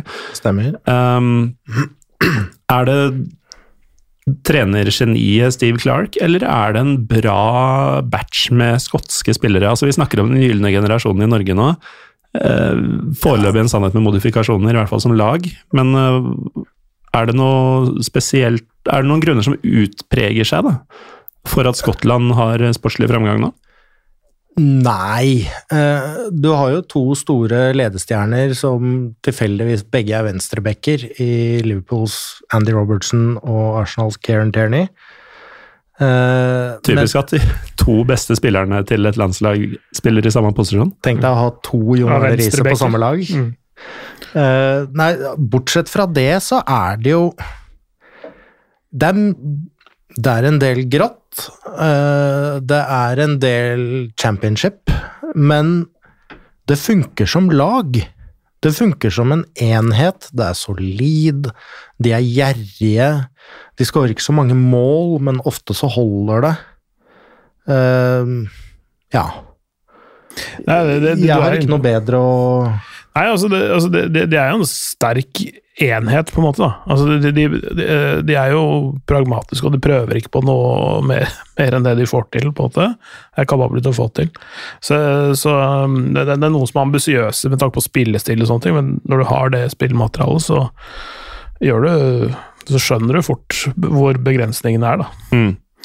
Uh, og bare det, bare det er vanskelig å spille mot, egentlig. Men det er jo ofte Ja, nå har jo T- Tierney vært litt ute og mye, en del ute med skade i det siste, men den typiske er jo Robertson kommer rundt på kanten og slår 45, eh, eller et godt innlegg. Mm. Og så masse folk i boksen og førstemann til ballen. Høres ut som det er ganske lett å lese for motstanderen. da. Ja. Ja, det, det, er ikke, det er ikke de som slår meg når jeg ser på siste troppen og det som er, er den, altså den med størst X-faktor, da. Nei. Det er ikke sånn at det er sånn et par 21-åringer her og der som bare ser ut som the shit. nei, Eller det the skate. Ja, altså det er mye, mye mellom 25 og 30, egentlig, eh, for, for det meste. Eh, Den såkalte beste alderen for en fotballspiller. altså, du har liksom eh, du, du har Ryan Christie og Ja, er der, ja. Stuart Armstrong, Billy eh, Gilmore, vel? Ryan Eh, Jack. Uh, Ryan Jack, uh, Cal McGregor Det er kanskje den mest Kall det mest kreative spilleren, nesten. Mm. Cal McGregor. Ja, Han, han, er på, han er litt undervurdert, ja, men, jo, jo. men Han høres ut som en Braveheart-karakter. Han er, ja, øh, teknisk god Ja. venstrefot, men litt dårlig fysisk. Ja, altså eh, Han kunne trent litt mer vekter. men, men, men han er en fin fotballspiller, da. og så har det Scott McTominay. Så det, det er egentlig sånn, det er mye sånn derre eh, med sånn jevn kvalitet, da. Men, nå- nå- eh, få- Solide folk som gjør jobben. Ja, ja, ja, og få som stikker seg ut. Eh, altså, uten sammenligning for øvrig, litt sånn som eh, Norges midtbane, Lars Lagerbäck, som spiller med fire sentrale midtbanespillere på I en tvers flatfirer. I en flatfirer. Det er litt, litt den samme følelsen, at det er ikke noe, det er ikke noe så ekstra som kommer ut av den ene kanten, eh, eller den eh, andre. Nei, og så Eh, er det, er det type Åh, hva er han heter igjen, da? Jay Adams og ja. han er brukbar, da. Men så er det så, Lyndon Dykes. ja. altså Barry Mackay eh, også, eh, på, som er av angrepsbildet der, da. Eh, Men, men, eh, men eh, Nei, det er ikke det, er ikke det helt store. Eh, Greg, jeg synes, jeg, Greg Taylor er en liten sånn unsung hero for meg fra Celtic, må jeg si det. Jeg syns han er veldig solid, men han er veldig sånn klassisk egentlig, Han har vært en god back på 90-tallet. Fordi det er sånn, da spilte ikke backer over midtbanen. Ikke sant? Gode til å takle. Ja, altså, så, så, han, egentlig god fot på mange måter, men ikke, ikke den siste tredjedelen av banen. Da, for du kommer, Han er ikke kvikk nok på en måte til liksom å være den der angrepsbekken, men, men solid i duellspillet og følger opp uh, kanten sin, vingen sin, og kan liksom låse av den biten der, men uh, ja. Mm. Er det Yamasakura vi drikker nå, Holum? Det stemmer. Jeg syns faktisk japansk blend var eh, godt. Så bra. Kanskje jeg har tatt feil om blend eh, hele de par åra som jeg har vært interessert i whisky. Eksponeringsterapi virker. Det virker. Altså, jeg kan drikke blended, men må være japansk. Er det, det høres ikke noe særlig fisefint ut. Nei, men altså jeg, Fordommen stammer nok fra sånn herre Sånn, det man kanskje kan se på som sånn standard taxfree-whisker. Sånn Ja, Bell og hva det nå heter. Johnny Walker. Ja, det er vel Er det blend? Ja, det har jo mange forskjellige. Ja, Men det, Red, de, blue, black eh, ja, det er forskjell, forskjellige styrker, og det er både blended og single Men er, hvis, hvis man er på polet, da eh, Hvis man tar Upper Ten tror jeg er liksom Ja. det som alle fyllikene drikker. Mm.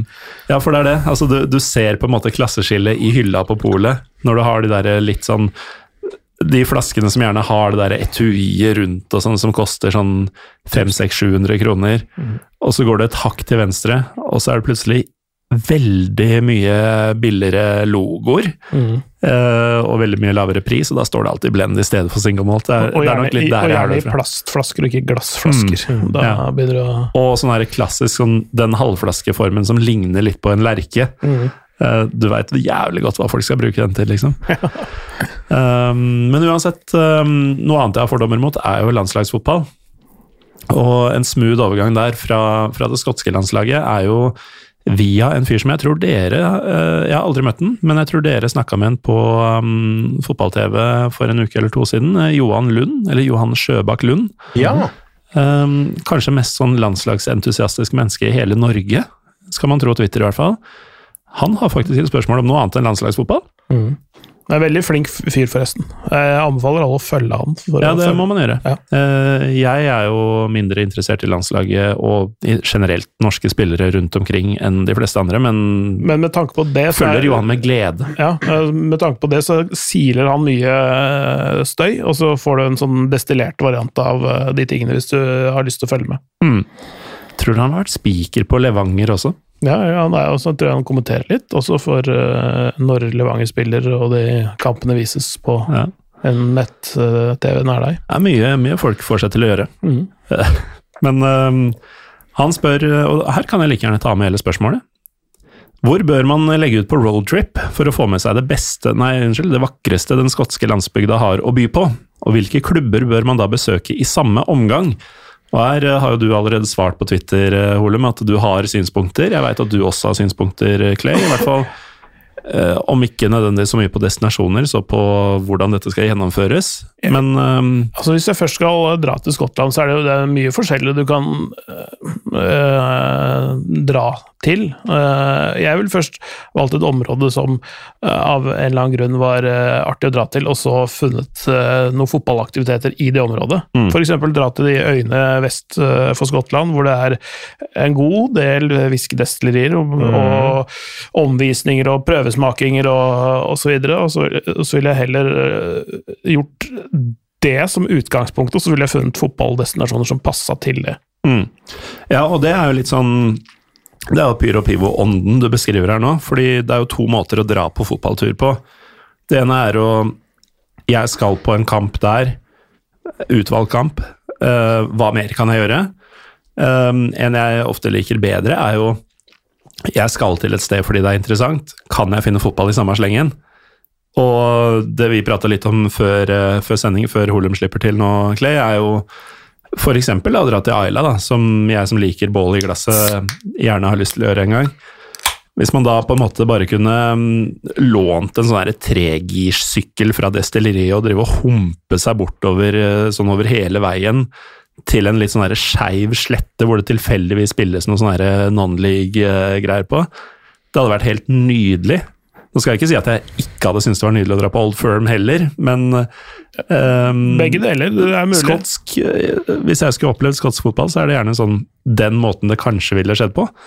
Du kan, du kan jo starte ute på øyene, og så dra deg videre innover. og spille, dra innom Kilmarnock f.eks., og så opp til Glasgow og få med deg et Old Firm. eh, Altså har du en pakke der, da. Ja, eller så kan du komme med din helt egen variant, eh, Christian. Ja, Uh, først vil jeg bare si at Old Firm og for så vidt uh, Heart Sibs burde, begge veier, burde stå på de aller fleste bucketlister. Er Hard Sibs litt sånn miniatyr-old firm? Er det Ja. litt de samme motsetningene mellom klubbene og sånn der? Øst-vest, uh, Hibs er katolikk, eller har en irsk link. Uh, Trekløver, eh, Trekløver, i- i harpe, grønne etc. Jeg skal ikke si at Hearts er kjempe Orange Order, Rangers Union. De er ikke i nærheten av det nivået, men det, er- det er litt First Price Old Firm. Hmm. Men når du først har gjort Old Firm uh, og Heart Sibs i en eller annen variant, da ville jeg Eller den nest, hvis jeg skulle dratt selv på tur, da, så ville jeg flydd til uh, Det er enklest å komme til Edinburgh, uh, men ta utgangspunkt Hvis du har en uke, eh, starte rundt Aberdeen. Eh, Så har du Aberdeen på Pitodri og Cove Rangers ute ved Atlanterhavskysten. Dessverre har Cove fått en ny stadion som ikke ligger på tuppen av en klippe, mm. men det får vi ikke gjort noe med. Så ville jeg kjørt nordover uh, til eh, Inverness. Kan jeg bare stoppe deg før vi tar Inverness eh, videre? Fordi ideen om at du kan ha stadion på tuppen av en klippe, det, det er fullt mulig for deg å gjøre det, og så velger du å ikke ha det. Det, det er jo galskap. Jeg, jeg var så sær da jeg var der borte at jeg så Cove Rangers mot Edinburgh University i første runde av skotske cupen, og da, ærlig talt, kors på halsen til kniver i hjertet, det var en Mor og far i ball- døden? Mor i far i døden. Det var en ball som forsvant på havet. Det er så deilig å klarere ballen langt, Ja. altså retning i USA. Altså, og den- Norge. Norge. Norge, og den, den veien, ja. Den- Nordsjøen, ja. Ok, ja. Fett at du sitter i et studio her og peker Du peker for øvrig sørover, mot Danmark. Men, eh? Ja, Ja, men samme. eh, samme det. Men jeg, jeg ville tatt utgangspunkt i Hvis du hadde en uke, og du sier du fløy over på en fredag, eh, stikk til Se en kamp i Cove, se en kamp i Ablin. kjør nordover via Speyside og whiskyen der. Ja. Ja. Så kommer du til eh, Inverness, hvor du har Inverness Cally Thistle. Du har eh, rett borti gata, så har du Dingwall med Ross County. Mm. Så kan du knekke sørover forbi Loch Ness og de diverse lokker til, eh, til Fort William. På veien der så passerer du eh, Monument to the Commandos, som var der hvor annet Max Manus og de gutta krøtt trente før de ble sendt tilbake til Norge. Lingekompaniet. Korrekt. Eh, etter det så kommer du fort til Stirling, med Stirling Castle, Battle of Bannockburn, eh, William Wallace Monument, masse historie. Eh, du har eh, du Stirling har, Albion, da. Det er jo du har jo også Stirling Albion. Eh, og så Det var en fin Segway til om tre minutter. Eh, så har du jo også Kilmarnock, Dunfermline, Perth med St. Johnston. Uh, begge Dundee-klubbene. Du har Arbroath, som vel slo Var det de som slo Stirling Albion 36-0? Det var noe sånn husker jeg resultater i gamle dager. Montrose, du har eh, eh, Er du glad i golf, så kan du kanskje prøve å få en tee time på St. Andrews, men ikke ta prøveslag på første tee, for da blir du kasta ut. Eh, så hvis du har det, det er det jeg ville gjort, da. Det er jo rimelig en- Du tok alt, du. Tok rett og slett alt. Det er det jeg ville gjort. Ta en sånn stor rundtur. Det er en, en rundtur på en uke hvor du får ja, seks, sju, åtte Selvfølgelig, alt er jo timing, men eh, du får whisky, du får historie, du får natur, du får fotball. Mm. Og, og det er jo golfens hjemland òg. Apropos når du nevner St. Andrews og um, altså Old Course og, Mm. og det greiene der, hvis du gjør det. Uh, hvor er det den der øya eh, ligger hvor alle curlingsteinene kommer fra? For det er også Skottland. Ja, det er på vestkysten. Ja. Jeg husker ikke hva den heter. Nei. Alle øyene er på vestkysten, ser det ut som. Ja. En, en annen variant er jo En annen variant, mens jeg først er så godt i, godt i gang, er jo hvis du, hvis du skal ha, være helt jævlig å ha med Newcastle Hvis du kommer deg til Newcastle med en eller annen båt eller ferge, eller sånt noe, så kan du jo begynne med, med Berwick Rangers, som er en engelsk klubb i det skotske ligasystemet. Deretter har du jo hele Lodians, da East og West Lodian, med Hearts, Hibs, uh, Edinburgh City, Motherwell, Falkirk, Livingston på Tony Macaroni Arena. Uh, Der går det unna med macaroni pie, tror jeg. Det, eh, tror du det, eller? Uh, Partick Thistle med Kingsley the Mascot, St. Mirren, etc. Hmm. Det vanskelig å komme med noe mer nå, Clay. Ja, nå øh, føler jeg det i hvert fall de, kan, de får komme tilbake med flere spørsmål når de har gjort den reisen, tenker jeg. Det var nok av Når, når tips, du kryssa alle de punktene på lista, så kan du komme tilbake og spørre om mer. Men eh, jeg skal være den siste til å si noe om kvaliteten på denne episoden, men jeg merker at jeg får jo mer lyst til å utforske stedet vi har snakka om, av, av det vi har gjort nå. Både med og uten fotball. Eh, og da tenker jeg at mye av jobben er gjort eh, Altså, Pyro Pivo Man kan sikkert bruke mange adjektiver om denne podkasten, men jeg tror jo den er best når den er inspirerende. Og jeg sitter i hvert fall her inspirert sjøl på noe jeg trodde egentlig skulle være litt, eh, litt sånn halvtørt eh, tema.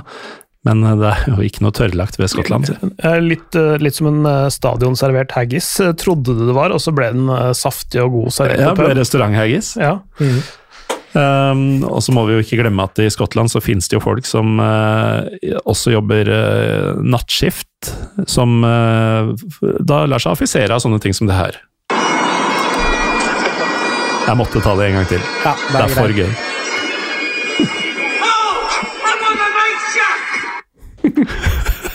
Stakkars mann!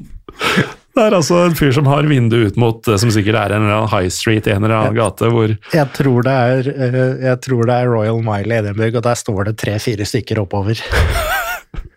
Han er så skotsk, han som roper.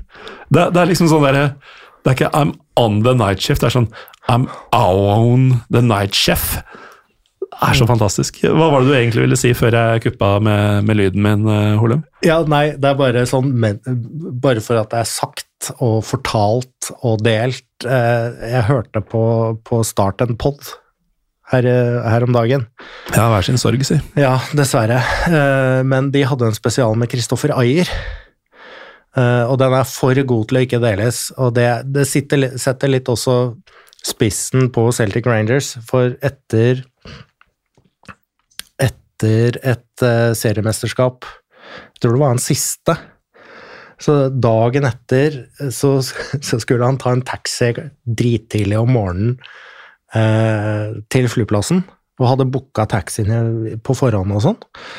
Eh, og så kommer taxien, og han taxisjåføren ser på han, men gidder ikke løfte en finger. Så Kristoffer Ayer må inn med bagasjen selv, Mm. og inn i baksetet og setter seg ned. Og så skal da, ifølge han, eh, sjåføren har snudd seg rundt og bare I know who you are, and I'm not fucking driving you to the airport. Så Get out! så, så han ble, etter at han har liksom satt seg inn og Ja, ja. flytta alle tingene sine inn i bilen og Ja, ja, så, så han blir da kasta ut av taxien, og så må han da ringe på nytt til taxisentralen og si Can I please get a Celtic driver? Ja, det er herlig. Jeg, jeg fikk jo Jeg tok taxi fra sentrum og opp til iBlocks når jeg skulle kommentere Old Firm eh, en gang, og jeg fikk en som eh, Han var høflig nok og pragmatisk nok, men han var Celtic-supporter, så han, han slapp meg av et godt stykke unna uh, Ibrox, Jeg måtte gå en liten kilometer uh, til sånn. Han turte ikke å kjøre nærme, for det var vel noe grønnfarge inni taxien hans, tror jeg.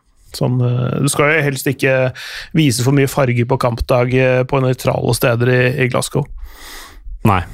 Eller øh, ja, noe som helst i Ja, det er jo, det er jo, de har jo en egen lov mot uh, spesielt støtende sanger og, og det å ha på seg diverse klær eh, på gitte tidspunkter, gitte steder og sånn. Eh, og det er sportsbare er jo sånne der helt nøytrale eh, farger. Du skal ikke ha på deg eh, for, det, for det blir bråk, rett og slett. Ja. Og det, det får du også på Old Firm Day i Edinburgh, så finner du puber med no football colors. Så stakkars da, om du tilfeldigvis har en øh, blå genser på deg, eller øh, noe sånt. Som du for øvrig har nå. Mister sesongkortholder hos øh, Hibs Den er og gråblå. grå. Den, den er såpass uh, off, den derre ja, Royal Blue, at eh, han, Ja, han ikke- holder, seg, holder seg Han går fri med den der. Den er ikke Rangers-blå. Drikker grønn øl, da. Ja, Ja. det, den er litt mer skumlere, faktisk, sånn sett. Men uh, dette med lov mot spesielt støtende sanger sånn, det er ikke alle i Skottland som øh, Nei, Følger den spesielt nøye, og det- Den etterleves Det- ikke. Du ville ikke hørt uh, altså en del av de tinga som Det er helt sikkert noe greier fra Celtic også, men det som har blitt berømt, da, annet gjennom fotballkrigen uh, med Bård Tufte Johansen og sånn, er jo disse vanvittig Altså, til og med jeg syns jo det er på grensa til støtende eh, sanger fra, fra Rangers Hall. Ja, uh, det, spesielt det, er ikke, det er ikke noe Fantorangen ville synge, dette her. Nei, det er det Selv om han har en god venn som heter Pivi, og ikke Pivo. Eh, men, men Nei, jeg husker, husker det Jeg visste jo om det og hadde hørt sangene før, og sånne ting, men jeg hadde egentlig ikke liksom tatt det helt innover meg før jeg satt ringside på Ibrox og skulle kommentere.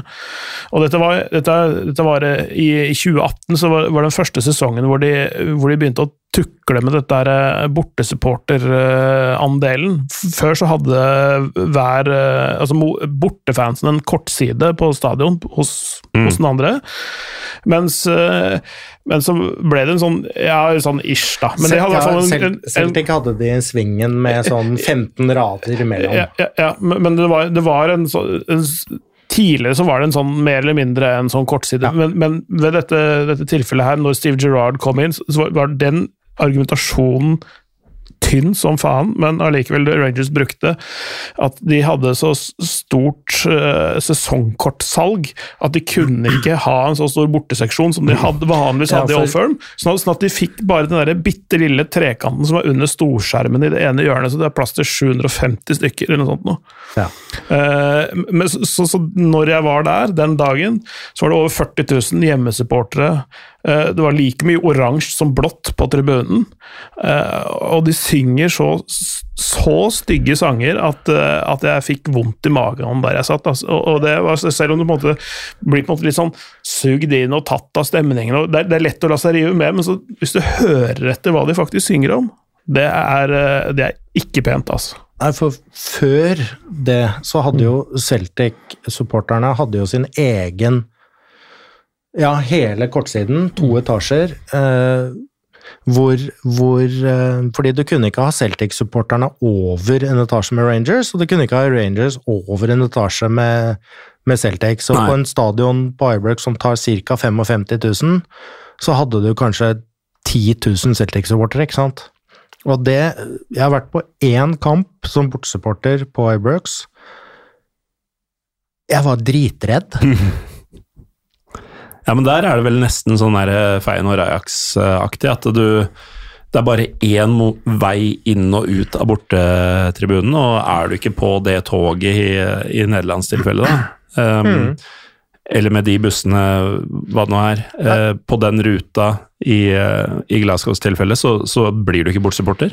Nei, dette var Du måtte møte opp eh, x antall timer utenfor Celtic Park eh, for å identifisere deg. Du måtte inn på busser med gitter foran gitter og eh, gardiner trukket for. Eh, du ble kjørt til Ibrox, hvor de hadde to sånne svære metallvegger som de vippa ut Eh, som buss, var dimensjonert for bussens lengde. Og så var det kanossagang inn på tribunen. Mm. Og når du kom inn på tribunen, eh, så Altså, du har jo da tre andre sider hvor hatet Og der er det hat! Og, og det var ikke bare de du sam, uh, identifiserer som uh, i, her, hermetegn ultras, ikke sant? Sånn mm. Northface og Lonsdale og mm. hvite Reeboks. Det var ikke det. Det var bestemor på 85. Ja. Og så er det, eller kidden lille Ryan 5. Lille Ryan 5. Ja. Det, det et, og de skriker like stygt, alle mann. altså Hele spekteret. Det er jo et poeng i um, Eller sånn greie vi sier på Romerike, er at mannen i gata var sjukere før. uh, at uh, sånn på 80-tallet så, så, kunne det være sånn uh, i, i, norsk fotball også. Altså det, det er gode, gamle sånn da Vålerenga-supporterne ikke hadde organisert seg, ble kalt Apeberget. Lillestrøm det samme, ble kalt Bøffelberget og sånn. Eh, og veldig mange andre, da, hvor det bare var helt sånn nesten lovløst. Og hvem, hvor på stadion det klikka sånn, var helt tilfeldig, for det var ikke organisert. Der er jo liksom skottene i dag, får man litt inntrykk av. da, At det er uh, Gertie på 85 og Ryan på 5, som tilfeldigvis er der sammen med bestemora si for øvrig, uh, hvor ingen av dem er i stand til å ta vare på den andre. Um, men, det, alle, alle, er drita. Men, det, er utløs, det er utløsningen. ja. men, men For å ta en visuell reise? Ja. Nei, men det var, det var, Jeg har en kompis som også har vært på Old Firm, og da satt han ved siden av en sånn typisk bestemor på 85 som var Celtic-supporter. og det, det, er jo også litt, av det, litt om den identiteten du har som fan av det ene eller andre laget. da. Der hun, eh, hun sa Nå skal ikke jeg gjøre det med aksent, men hun sa I hate the Scottish, they're horrible people. Og hun var Celtic-fan og hadde bodd i Glasgow hele sitt liv og så, så hata skotter fordi de var forferdelige folk. Så hun, mm. hun var 100 irsk, da. Uh, selv om hun bodde i Glasgow hele sitt liv. Ja.